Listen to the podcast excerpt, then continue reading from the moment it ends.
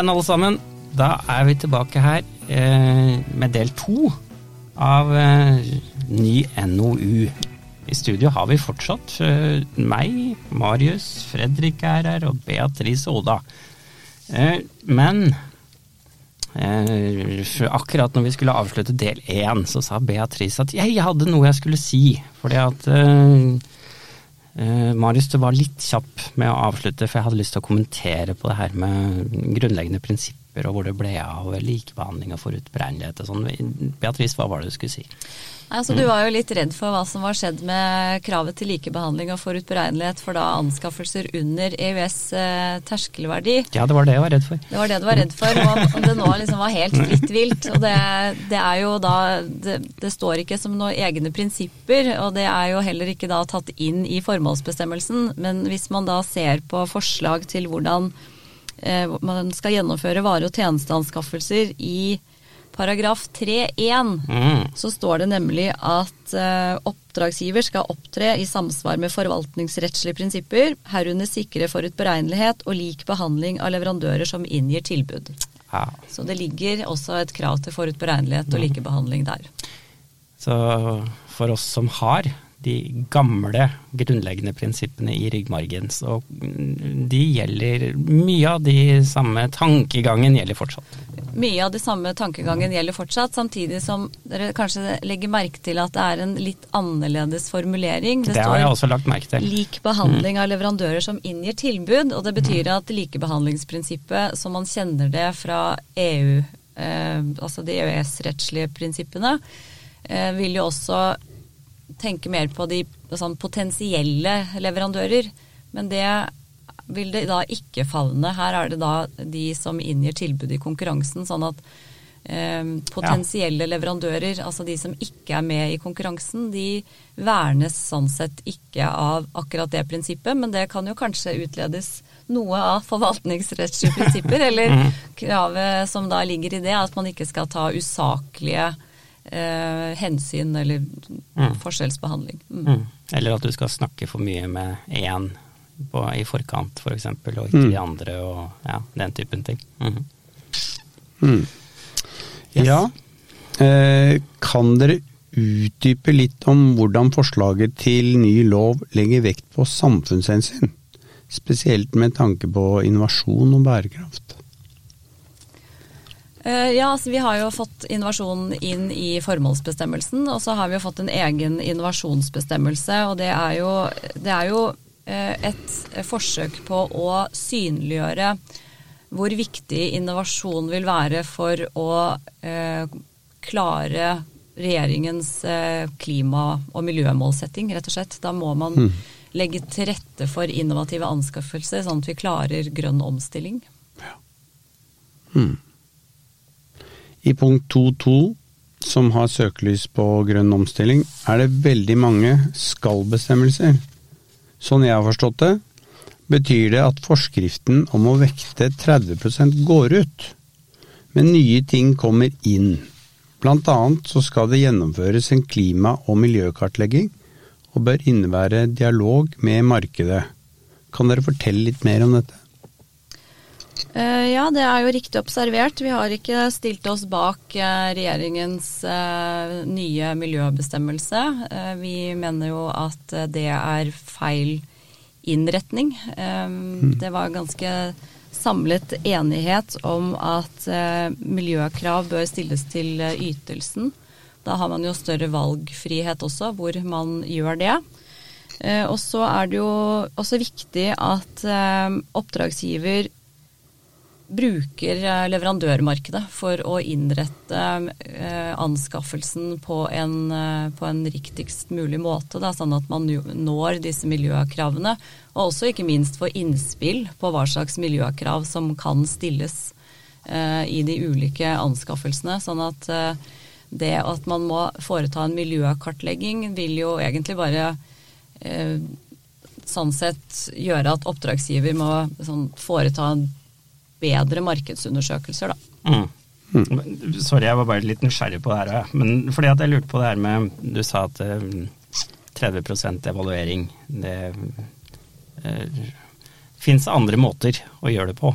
eh, hva er beste Hva tenker dere er Er det mer fleksibilitet, da? Er det det dere egentlig sier? Eller er det, lønner det seg å gjøre det i kravspesifikasjoner eller kvalifikasjonskrav, eller hva er det som virker best? Ja, altså, personlig så mener jeg jo at eh, det å bruke tildelingskriterier for å nå en miljøambisjon eh, er lite egnet. Mm. Jeg mener jo at det å stille krav til eh, ytelsen, enten i kravspesifikasjon eller i kontrakten, Mm. vil ha mye mer for seg. Fordi hvis du ikke oppfyller krav som stilles i kravspesifikasjonen eller kontrakten, så vil jo tilbudet avvises. Mm. Eh, Sånn at eh, det, Vi mener jo at det er mer eh, hensiktsmessig å se på det. Og så mener vi at det vil gi større fleksibilitet eh, med hensyn til hvor man stiller kravene i den bestemmelsen som vi har foreslått i utvalget. Mm. Mm. Mm. Så det virker Det å stille til ytelsen virker kjappere? Er det det du sier, egentlig? Jeg vet ikke om At det virker kjappere, eller- eller men da er du det- det helt mer- sikker på ja, å nå da- miljøambisjonen din. Da. Mm. Fordi at eh, hvis du stiller det som et eh, tildelingskriterium, Mm. så, du jo, så kan det jo bli danket ut av pris Ja. eller kvalitet. Ja. Mens hvis du har, har det som et absolutt krav, så må alle legge tilbudet sitt på, på samme list. Så det, og så er det jo sånn at en del av disse tildelingskriteriene, det er utrolig vanskelig å dokumentere og evaluere. Mm. Sånn at um, Ja, det det å finne gode sånn. tildelingskriterier som, som hensyntar de relevante merverdiene som, som ligger i tilbudet, det er ofte veldig vanskelig. ja. Mm. Helt enig. Ja. Ja. Tildelingskriterier er ikke nødvendigvis det best egnede um, virkemiddelet for å, for å få til de ambisjonene som ligger der, med tanke på klima og miljø. Mm. Eh, det står eh, samtidig her at andre ledd gjelder ikke dersom anskaffelsen har et klimaavtrykk og en miljøbelastning som er uvesentlig. Hvordan kan du vite det hvis du ikke har å gjøre eh, med en klima- og miljøkartlegging? Altså hvis du ikke har gjort en miljø, klima- og miljøkartlegging?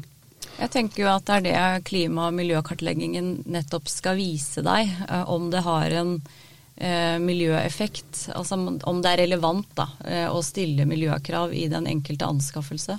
Mm. Så det burde du gjøre uansett. Det er sånn Mm. du skal gjøre uansett. Eh, Ja. Eller er det sånn at du ikke trenger å gjøre det hvis det er ja. Hvis det er uvesentlig? ja, altså det, det fordrer at du har veldig god kunnskap om markedet, da. mm. Mm. Ja. Nei, men jeg skjønner. Det var egentlig litt uh... Ja. Tweaking her.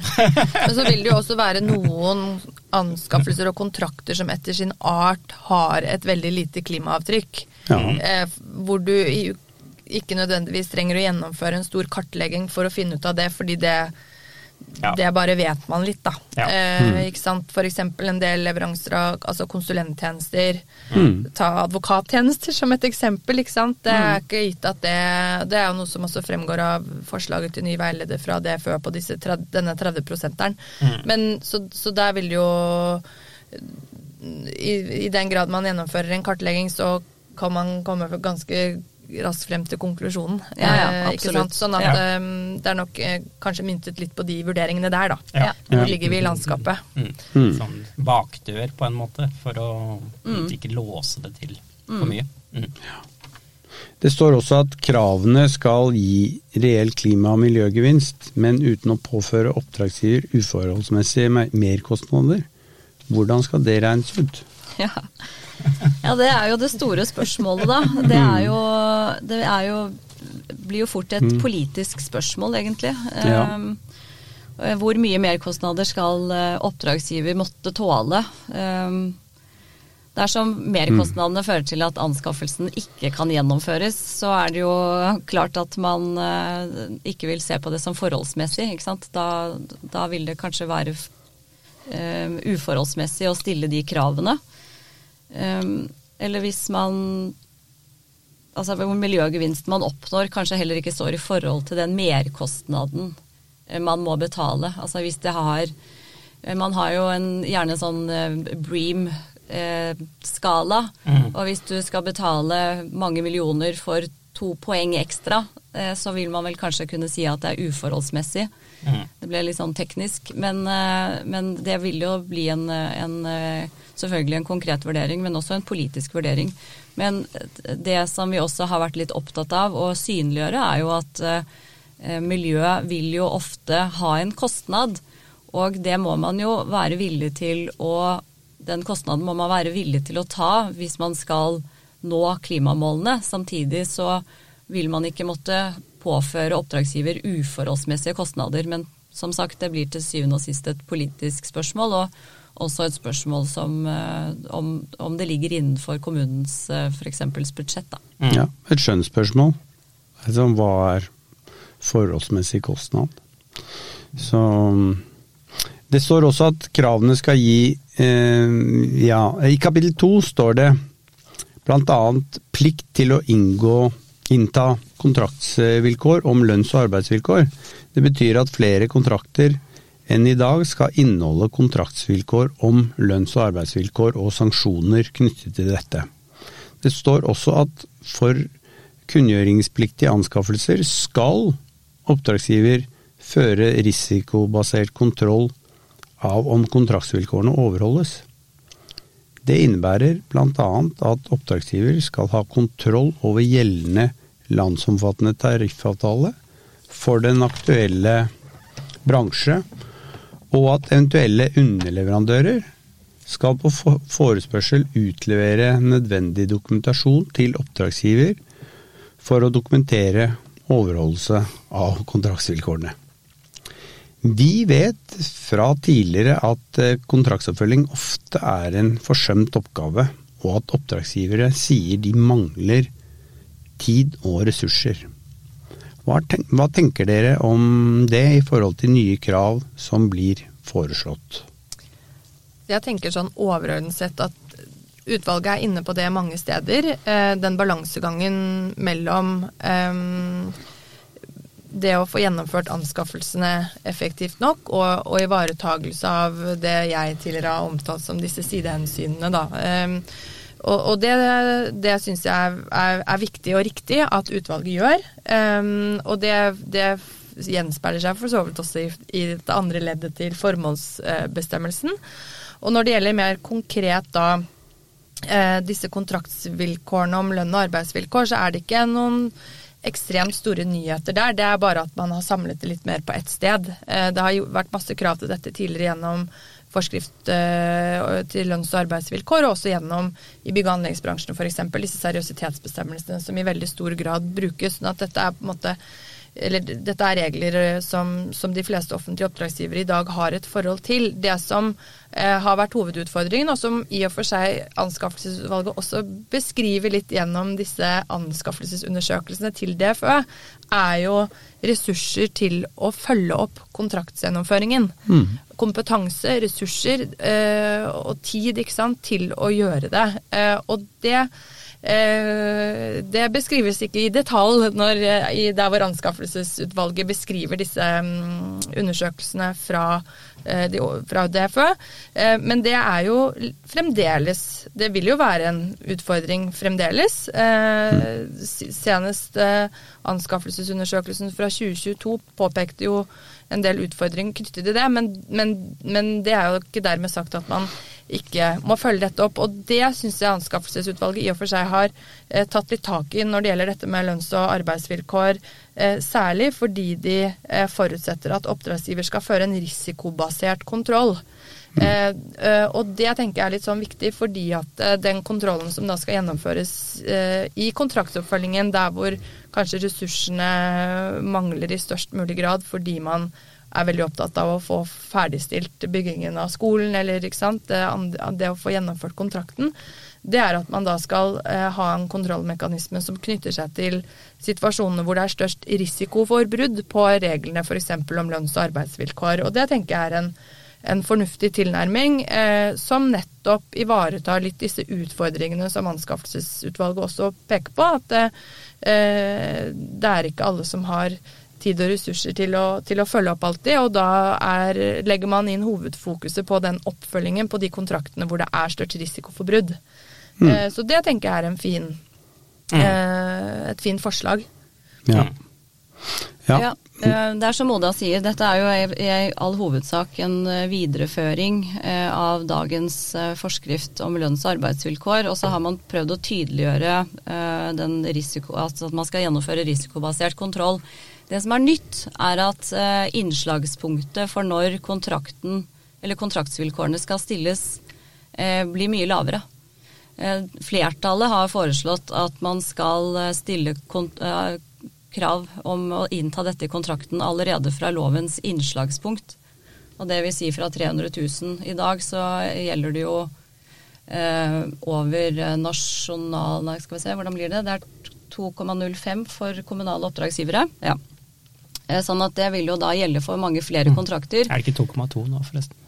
Ble det ikke Eh, oppjustert? Ja, men den ja. eh, forskriften er ikke oppjustert. Ah, mm, ja. Mens, eh, sånn at da vil man ha eh, en plikt til å stille kontraktskrav fra Mm. 300 000, mens man vil ha plikt til å gjennomføre risikobasert kontroll fra eh, kunngjøringspliktige anskaffelser, som er foreslått fra 3 millioner. Mm. Men jeg har jo tatt dissens, Mm. og den vil jeg jo gjerne snakke litt om. Ja, ja, det vil vi gjerne høre om. For at Ja. Jeg var litt nysgjerrig på det greiene her. Fordi at det Betyr Ja. det da at en ikke skal følge opp? Nei, altså det jeg har sagt er at jeg mener at plikten til å stille krav eh, må ha samme innslagspunkt som plikten til å føre kontroll. Eh, Sånn at jeg har foreslått at plikten til å, å stille krav om dette i kontraktene skal eh, også ligge på eh, kunngjøringspliktige anskaffelser, altså fra tre millioner på, på bygg og anlegg, da. Eh, For eksempel, og eh, så blir det jo da eh, 2,2 som er EØS-terskelverdi på tjenester. Eh, og hovedgrunnen til at jeg tok dissens, er at hvis du først skal stille et kontraktsvilkår, eh, så må du jo også følge med en plikt til å eh, følge opp kontrakten. Mm. Og jeg tenker at eh, oppdragsgivere eh, vanskelig vil bli hørt med å ikke følge opp et kontraktsvilkår ved å bare vise til at jo, jo, men vi trenger ikke å ta risikobasert kontroll før ved kunngjøringspliktige anskaffelser. Så hvis du da skal ha en såkalt sovende kontraktsbestemmelse, så mener jeg jo også at den kanskje ikke vil ha eh, noe annet enn en symboleffekt. Mm. Så jeg mener at eh, et kontraktskrav eh, vil forventes å måtte følges opp. Hvis ikke så vil det jo fort bli et vesentlig, en vesentlig endring av kontrakt. Mm. Og derfor så mener jeg at, eh, at det må eh, sammenfalles. Mm. Men så er det jo også en annen dissens der, og det er jo eh, fra LO som mener at eh, den risikobaserte kontrollen skal gjelde fra 300 000. Ja, og det er klart at med dagens eh, veldig manglende etterlevelse, eh, så, så skal nok det vanskelig gjøres. Og det er utrolig vanskelig å følge opp disse kontraktsvilkårene. Og jeg tenker jo at innsatsen må legges inn eh, der hvor, på de mer større kontraktene, der hvor det er eh, ja, altså I forhold til forholdsmessighetsprinsippet så er det det mest hensiktsmessige, og man kan ikke påføre oppdragsgivere så store arbeidsbyrder på så små kontrakter, da. Mm. Jeg syns det, hørtes- syns det hørtes litt skummelt ut, ja, men at eh, alle kontrakter under 2,2 ikke trenger å følges opp, skal jeg ta og si. Eller eh, Ja, så Du må innta bestemmelsen, da, men jeg tenker at Ja hvis det skal Men det er jo sånn i dag, ikke sant. Kontrakter under 2,05, mm, så trenger du ikke å innta eh, denne bestemmelsen. Nei. Men, eh, men nå vil du jo da. Da tenker jeg kanskje man er litt inne på hvis Vi, da, vi, vi har vært igjennom liksom bære, altså, Mm. Dette er et av eh, momentene med bærekraft. Da, med klima, miljø, arbeidshensyn, menneskerettigheter har vi ikke vært innom enda, men, Mm. men den derre um, grenseadgangen, eller hvor går grensen for hvor mye som skal følges opp gjennom en anskaffelsesprosess? Ja. Vi har et arbeidstilsyn som også skal, føre, som skal bidra til at, eh, at kontrakter og avtaler som gjennomføres i Norge, gjennomføres av personell eh, med riktige lønns- og arbeidsvilkår. Mm. Eh, og det er ingen tvil om at det, det offentlige inngåtte kontrakter selvfølgelig også skal inneholde mekanismer som ivaretar de hensynene, men, men der har man den Mm. grensedragningen, tenker jeg, og, og særlig også som Beatrice er inne på, eh, med dette med kravet til forholdsmessighet også. Når er det forholdsmessig å innta sånne type bestemmelser i en kontrakt med en verdi på 500 000 kroner, Ja. som skal leveres på, på, på en dag eller to. Eh, og det er jo ikke sånn at det ikke er viktig for den som jobber på kontrakten den ene dagen å ha, ha gode lønns- og arbeidsvilkår, men, men det, er ikke, det, er nok ikke der skoen nødvendigvis trykker heller eh, så, eh, så, kraftig. Så, så men eh, det at, eh, at LO f.eks. ønsker det, det er jo ikke så rart i, i lys av, eh, av, de hensynene som er viktige for LO, da. Så det, mm. sånn sett så er jo det forståelig. Ja. Mm. ja. Nei, men det var spennende å høre. Absolutt, eh, det er det. Men hvordan vil de nye reglene forenkle anskaffelsesprosessen både over og under EØS-terskelverdien? Et stort spørsmål, men uh, hvis jeg kan si litt kort om det, kanskje. Sånn ja. overordna. Ja, altså Det er jo ikke noe sånn sett forenkling av anskaffelsesprosessen over EØS terskelverdi. Der ligger, det jo, um, der ligger det jo sånn som det er i direktivet. Men under så har man jo Vi har jo vært innom um, varer og tjenester. Der vil det jo ikke lenger gjelde en kunngjøringsplikt. Men så har man jo eh, for bygg- og anleggsanskaffelser så har man jo innført eh, litt andre forenklede regler. Og der har man jo eh, i utgangspunktet så har man jo sagt at for varer og tjenester så skal man gjennomføre anskaffelser på markedsmessige vilkår, og det kan man jo da sikre ved at du enten har en markedsundersøkelse og innhenter tilbud på bakgrunn av det, eller innhenter en eller flere, nei, to eller flere tilbud, mm. eller har en uh, annonsering av anskaffelsen. Uh, det skal da gjelde for alle anskaffelser av varer og tjenester fra 300 000 opp til EØS terskelverdi. Og så mm. har man foreslått den samme uh, innretningen for bygg- og anleggsanskaffelser fra 300 000 opp til 3 millioner. Mm. Men så, fra 3 millioner og opp til EØS terskelverdi, der har vi delt oss i et mindretall og et flertall. Ja, Det er vi spent på. å høre. jeg er jo selvfølgelig igjen i mindretallet der. det er mitt lodd her i livet. Ja. Men her har altså et flertall foreslått at for bygg- og anleggsanskaffelser med en antatt verdi mellom 3 og 15 millioner, så skal oppdragsgivere publisere en forenklet kunngjøring i Doffin som åpner for at interesserte leverandører kan melde sin interesse. Og så skal de da beskrive kontraktsgjenstanden, på hvilke kriterier kontrakten vil tildeles, estimert verdi og tidsrom for gjennomføringen. Og så har man eh, foreslått videre at for bygg- og anleggsanskaffelser med antatt verdi over 15 millioner kroner eh, og opp til EØS terskelverdi, så skal oppdragsgiver følge reglene i del tre, mm. men med noen unntak. Eh, annet at man kan ha nasjonal kunngjøring, fritt velge mellom prosedyrer og fritt innhente dokumentasjon for å unngå avvisning av kvalifikasjonskrav. Og så er det da et mindretall, det er meg, og så er det eh, NHO-advokat Arnhild Dordi Gjønnes. Eh, og det er jo historisk eh, i seg selv at KS og NHO har slått seg sammen mm. her. Men vi har jo da foreslått at alle kunngjøringspliktige bygg- og anleggsanskaffelser under EØS terskelverdi på mellom 3 og 56 millioner er underlagt ett forenklet regelsett. Mm. Eh, og det innebærer i utgangspunktet en fusjon av fleksibiliteten i dagens del 1 med, eh, med noen forenklede regler fra dagens del 2. Mm.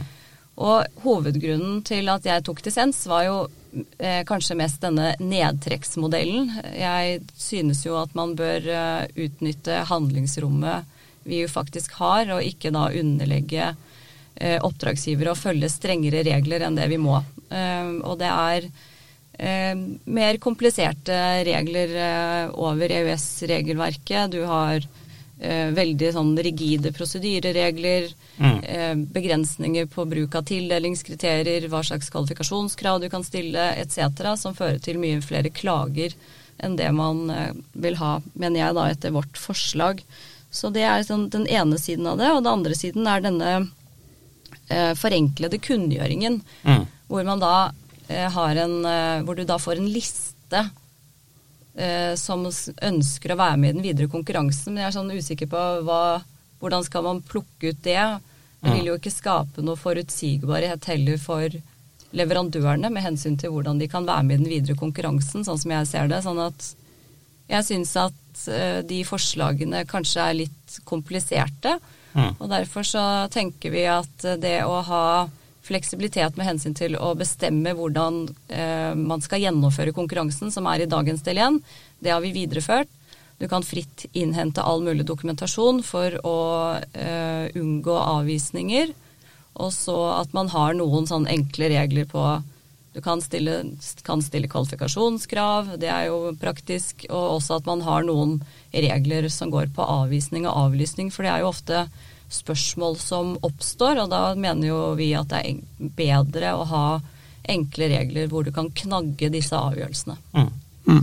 Oda, hva tenker du? Hadde du vært, hadde, hvem er du enig med? Er du enig med eh, Beatrice og Dordi, eller er du enig med flertallet? Nei, altså eh, Forskjellen på Beatrice og meg, PT, er jo at Beatrice er jo veldig godt nede i detaljene i dette utkastet Ja. til ny lov. Eh, sånn at jeg har ikke Selv om jeg har lest eh, dissensen og dette flere ganger, så, så tar det litt tid før, før de ordentlige forskjellene setter seg. Men det som jeg bet meg merke i det Beatrice sa, det er at det å utnytte det handlingsrommet som ligger eh, under EØS terskelverdi i størst mulig grad, Mm. det er jeg også veldig tilhenger av. Eh, og det å gjøre det enklest mulig å ikke ha noen regler for den delen og så noen regler sånn og litt Altså det å, å gjøre det enklest mulig og ha størst mulig fleksibilitet, men at man ivaretar noen sånne eh, grunnleggende hensyn, da, fordi, fordi litt, de bygge- og anleggsanskaffelsene som tross alt kan ha en litt større verdi da enn vare- og tjenesteanskaffelser under eh, terskelverdi. Det er jeg veldig tilhenger av. Eh, så det tilsier jo at jeg også kanskje da eh, i så mye annet er enig med, med Beatrice, med et lite forbehold om at jeg nok må, må sette meg enda litt mer inn i akkurat de forskjellene på de to, to forslagene. Eh, så, men det å, å bevare så mye handlingsfrihet som mulig, og det med den nedfallsproblematikken fra del tre, sånn som det har vært nå, da, og, og nedover, er jo kjempebra å ta tak i, tenker jeg. Eh, sånn at eh, Så er det veldig morsomt da, at det er litt lisenser også. Ja, ja. Det, er jo, det må jo med. Så det, det er jo morsomt. For det er ikke ekstremt mange, sånn som jeg har forstått det. Men det at det er noen, er jo veldig bra. Da, da blir det litt diskusjoner i etterkant. Og det er, blir morsommere for de som skal skrive høringsinnspill også. Kunne kanskje vært noe, Fredrik, til Ja. neste, neste episode. Så må vi ha med liksom to sider, så blir det skikkelig Ja. debattpodkast. Ordentlig temperatur i studio. Mm. Men hvis vi bare tar kjapt, nå var vi innom forenklinger under EØS terskelverdi, da. Ja. Eh, Så er det jo et spørsmål om hva er forenklingene over EØS terskelverdi. Ja. Eh, og der er det jo, som Beatrice har vært inne på, så er det jo begrenset handlingsrom for både anskaffelsesutvalget og lovgiver til å fastsette veldig store materielle endringer i bestemmelsene. Men det vi ser er jo at eh, den systematikken man har lagt opp til nå, er jo å legge seg veldig direktivnært. Mm. Noe som i og for seg er lurt, eh, fordi at man da sikrer en større speiling av direktivet som tross alt ligger i bunnen. Eh, og så er det jo også sånn at eh, i mandatet til utvalget, som er veldig bredt, sånn som Beatrice har vært innom, så står det jo også at eh, man skal se etter endringer for å gjøre regelverket enklest mulig for brukerne. Særlig materielle forenklinger i nasjonaldelen, som vi nå har vært innom. Og strukturelle forenklinger i den EØS-baserte delen av regelverket.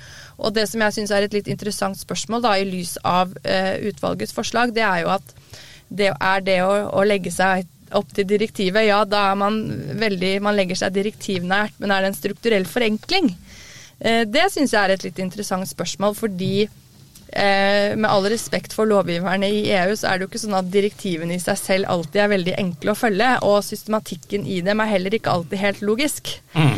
Eh, og det ser vi jo litt nå i, i, i f.eks. i kapittel 13 som gjelder kravspesifikasjoner. Da. I det nye lovforslaget for del 3-anskaffelser så er det også inntatt bestemmelser om, om oppdeling av anskaffelsen bl.a.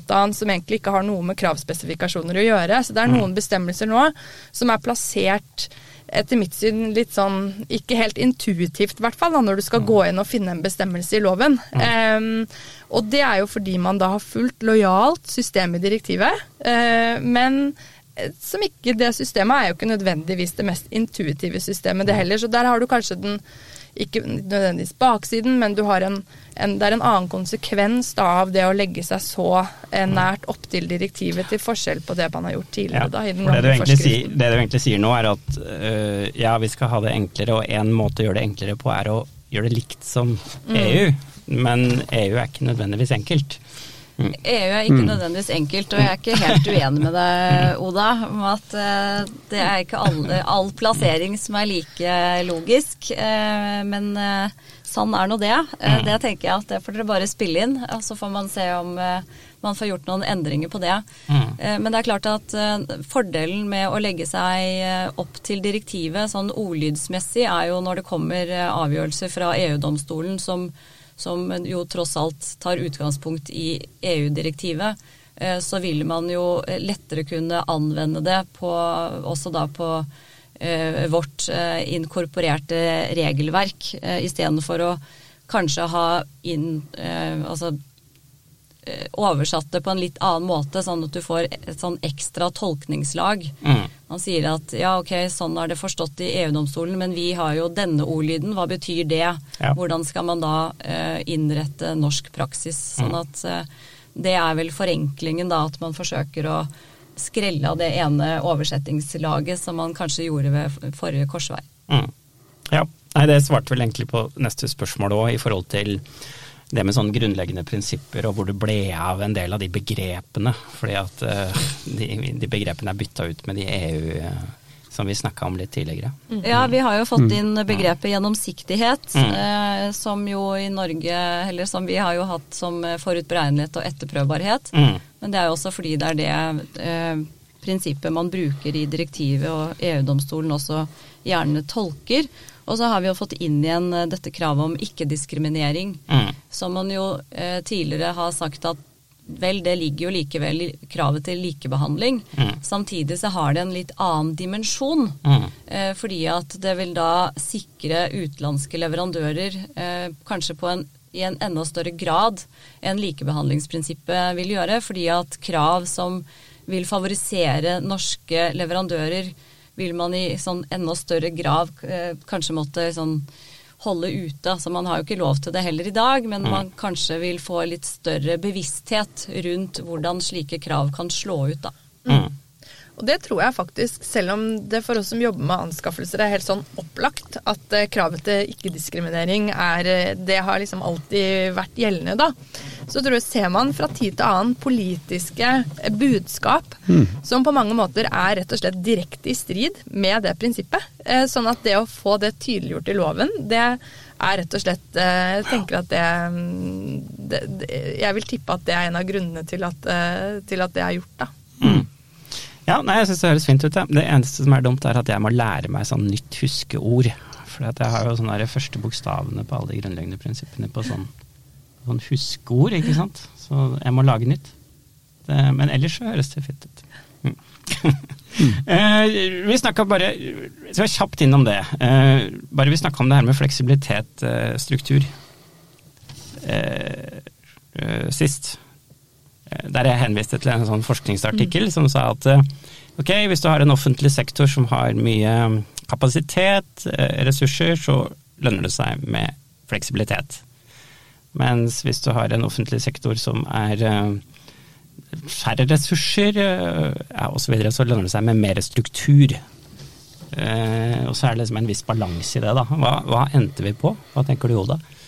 Jeg tenker at vi endte på stor fleksibilitet under EØS terskelverdi, mye større enn det vi noen gang har sett. Og der øh, øh, hører det på mange måter veldig bra hjemme også, øh, fordi, for det første fordi at direktivet ikke gjelder, så vi har mye større handlingsfrihet. Og for det andre at de kontraktene som reguleres av den delen av regelverket er veldig mye lavere i verdi. Mm. sånn at det å eh, ha større fleksibilitet der eh, hos oppdragsgiverne er eh, er på mange måter helt riktig, og det er egentlig litt uavhengig av på en måte, så Premisset for spørsmålet ditt er jo egentlig eh, kapasiteten og behovet for liksom detaljerte regler og ikke detaljerte regler. Mm. Og jeg tenker at behovet for detaljerte regler er mindre eh, under EØS-terskelverdi, ikke nødvendigvis pga.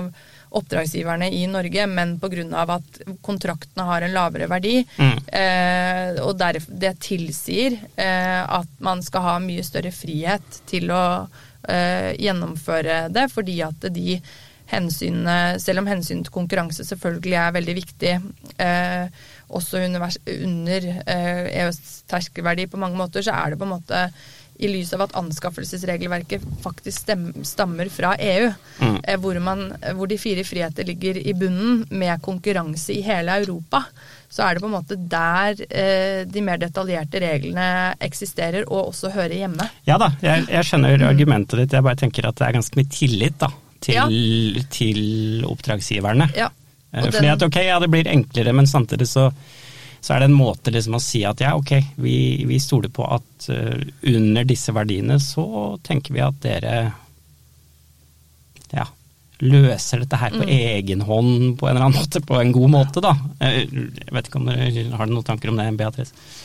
Ja, det gjør det jo selvfølgelig. Mm. Men eh, man har jo noen eh, prinsipper og, og kjøreregler som man må forholde seg til. Ja. Bl.a. At man må gå ut i markedet eh, for å innhente tilbud. Mm. Eh, Og så må man også eh, kunngjøre kontrakten. Mm. Sånn at det vil jo skape en, eh, en eh, gjennomsiktighet rundt hvem som får kontraktene. Mm. Så det er jo viktig. Samtidig så, så har vi jo sett at ikke sant, innenfor bygg og anlegg, da, hvor vi har tatt eh, dissens og foreslått en alternativ løsning, så er det jo sånn, eh, og det er en av grunnene til at vi også gjorde det, var jo at fravær av regler eh, blir ofte også kan være problematisk, særlig når du kunngjør. Eh, For da er det flere leverandører om beinet, og du trenger eh, kanskje noen flere retningslinjer da, på hvordan du skal gjennomføre de konkurransene. Det blir flere klager, og eh, jo, jo høyere verdi det blir på kontrakten, jo flere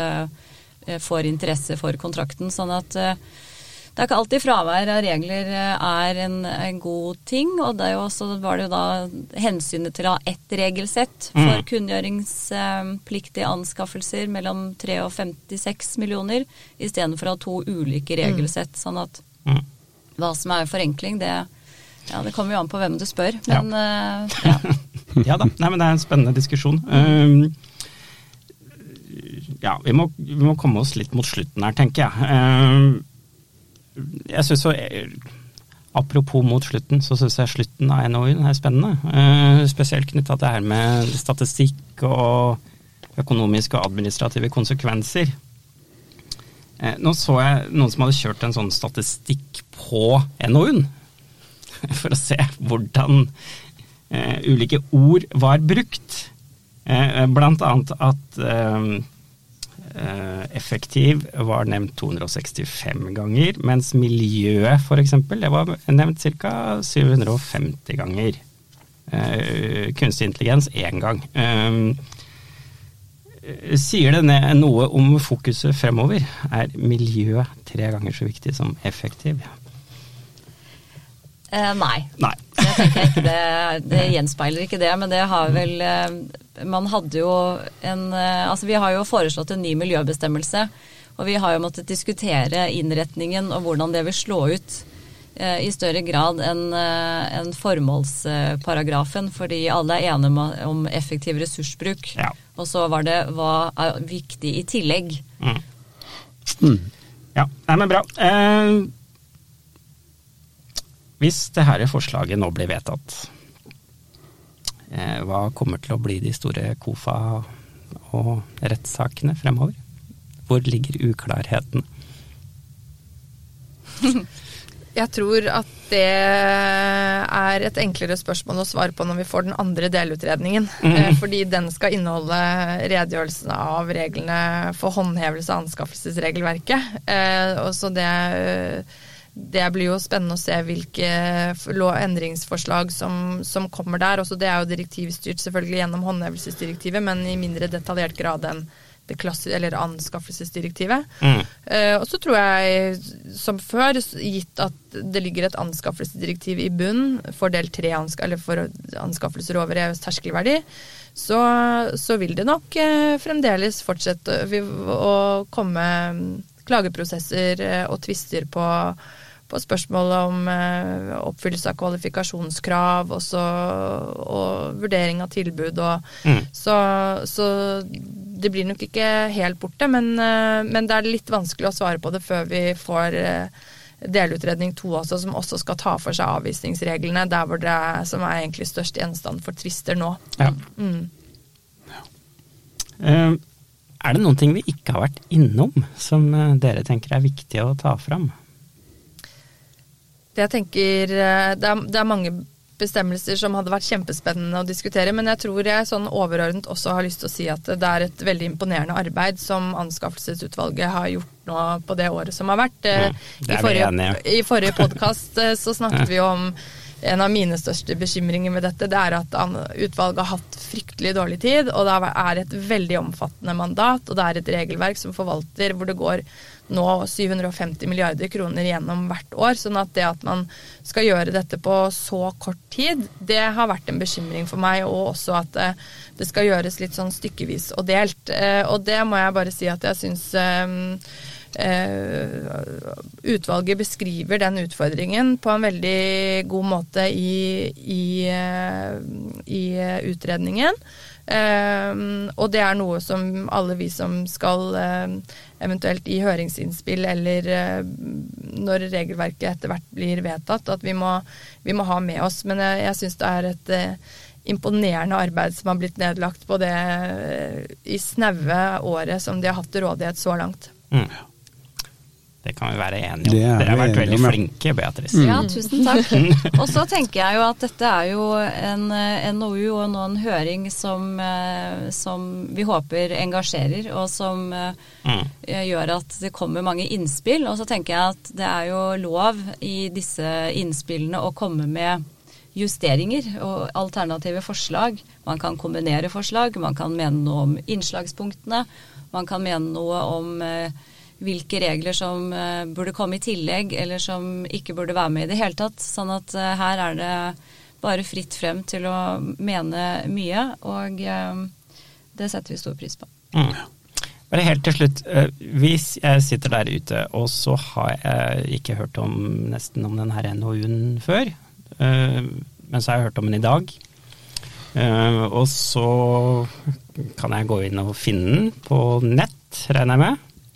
Eh. Den, den heter Hva heter den, Beatrice? Den heter eh, NOU, ny lov om offentlige anskaffelser, første delutredning, og så har den nummer 2023-26. Ja. Mm. Hvis jeg skal ha et, et lite lesetips, hvor skal jeg begynne? Hvis jeg liksom skal bare prøve å få en litt sånn oversikt. eh, Jeg skal lese eh, Jeg har ikke ambisjoner om å klare å lese 512 sider, men jeg vil eh, skjønne litt. Hva gjør jeg da? Altså, jeg tenker at eh, det viktigste kanskje er jo å se For det første så bør man jo lese gjennom eh, lovteksten, eh, men så er det jo sånn at over EØS terskelverdi så har man, er vi jo ganske låst. Så det største handlingsrommet det ligger jo under EØS terskelverdi. sånn at det viktigste kapittelet sånn sett for prosedyrereglene er jo kapittel 22. Mm. Som er på da nasjonal Altså regler under EØS terskelverdi. Så det ville jeg ha lest grundig. Og så ville jeg også lest grundig eh, kapitlet om samfunnsansvar og grønn omstilling. Mm. Mm. Og ikke minst ha en formening om eh, formålsbestemmelsen også. Det er klart, eh, bestemmelsen om grønn omstilling, den eh, det er veldig viktig å tygge litt på den og se om det er eh, Om man bør justere den på noen måte. Så det er eh, Dette er jo et forslag Mm. som må bearbeides. Mm. Og så inneholder jo NOU-en også et sammendrag. Ja. Eh, sånn at hvis man, hvis man vil ha det helt overordnet, så Mm. kan man også lese der. Ja. ja. Hvor langt er det? Det er bare på noen få sider. Ja, Ja, det må man klare å lese. det klarer man. Alle kan lese sammendraget. Gå, På to sider fremfor 521. Gå på nett og søk opp NOU og les sammendraget. Ja. Mm. Hvis dere skal sende innspill, så anbefaler jeg å lese mer enn bare sammendraget, altså. Ja, det er jeg enig i. Det er verdt å lese hver side, spør du meg. Så bra er det. Oda kommer til å gjøre det. Ja. ja. Ok, da tror jeg vi gir oss. Eh, tusen takk for at dere kunne komme. Takk for meg. Takk, Takk, for meg. Takk Ja. for at vi vil komme. Ja, takk for i Takk dag. for dere. Og så høres vi igjen her på Å kjøpe for Norge. Ha det bra. Ha det bra. Ha det.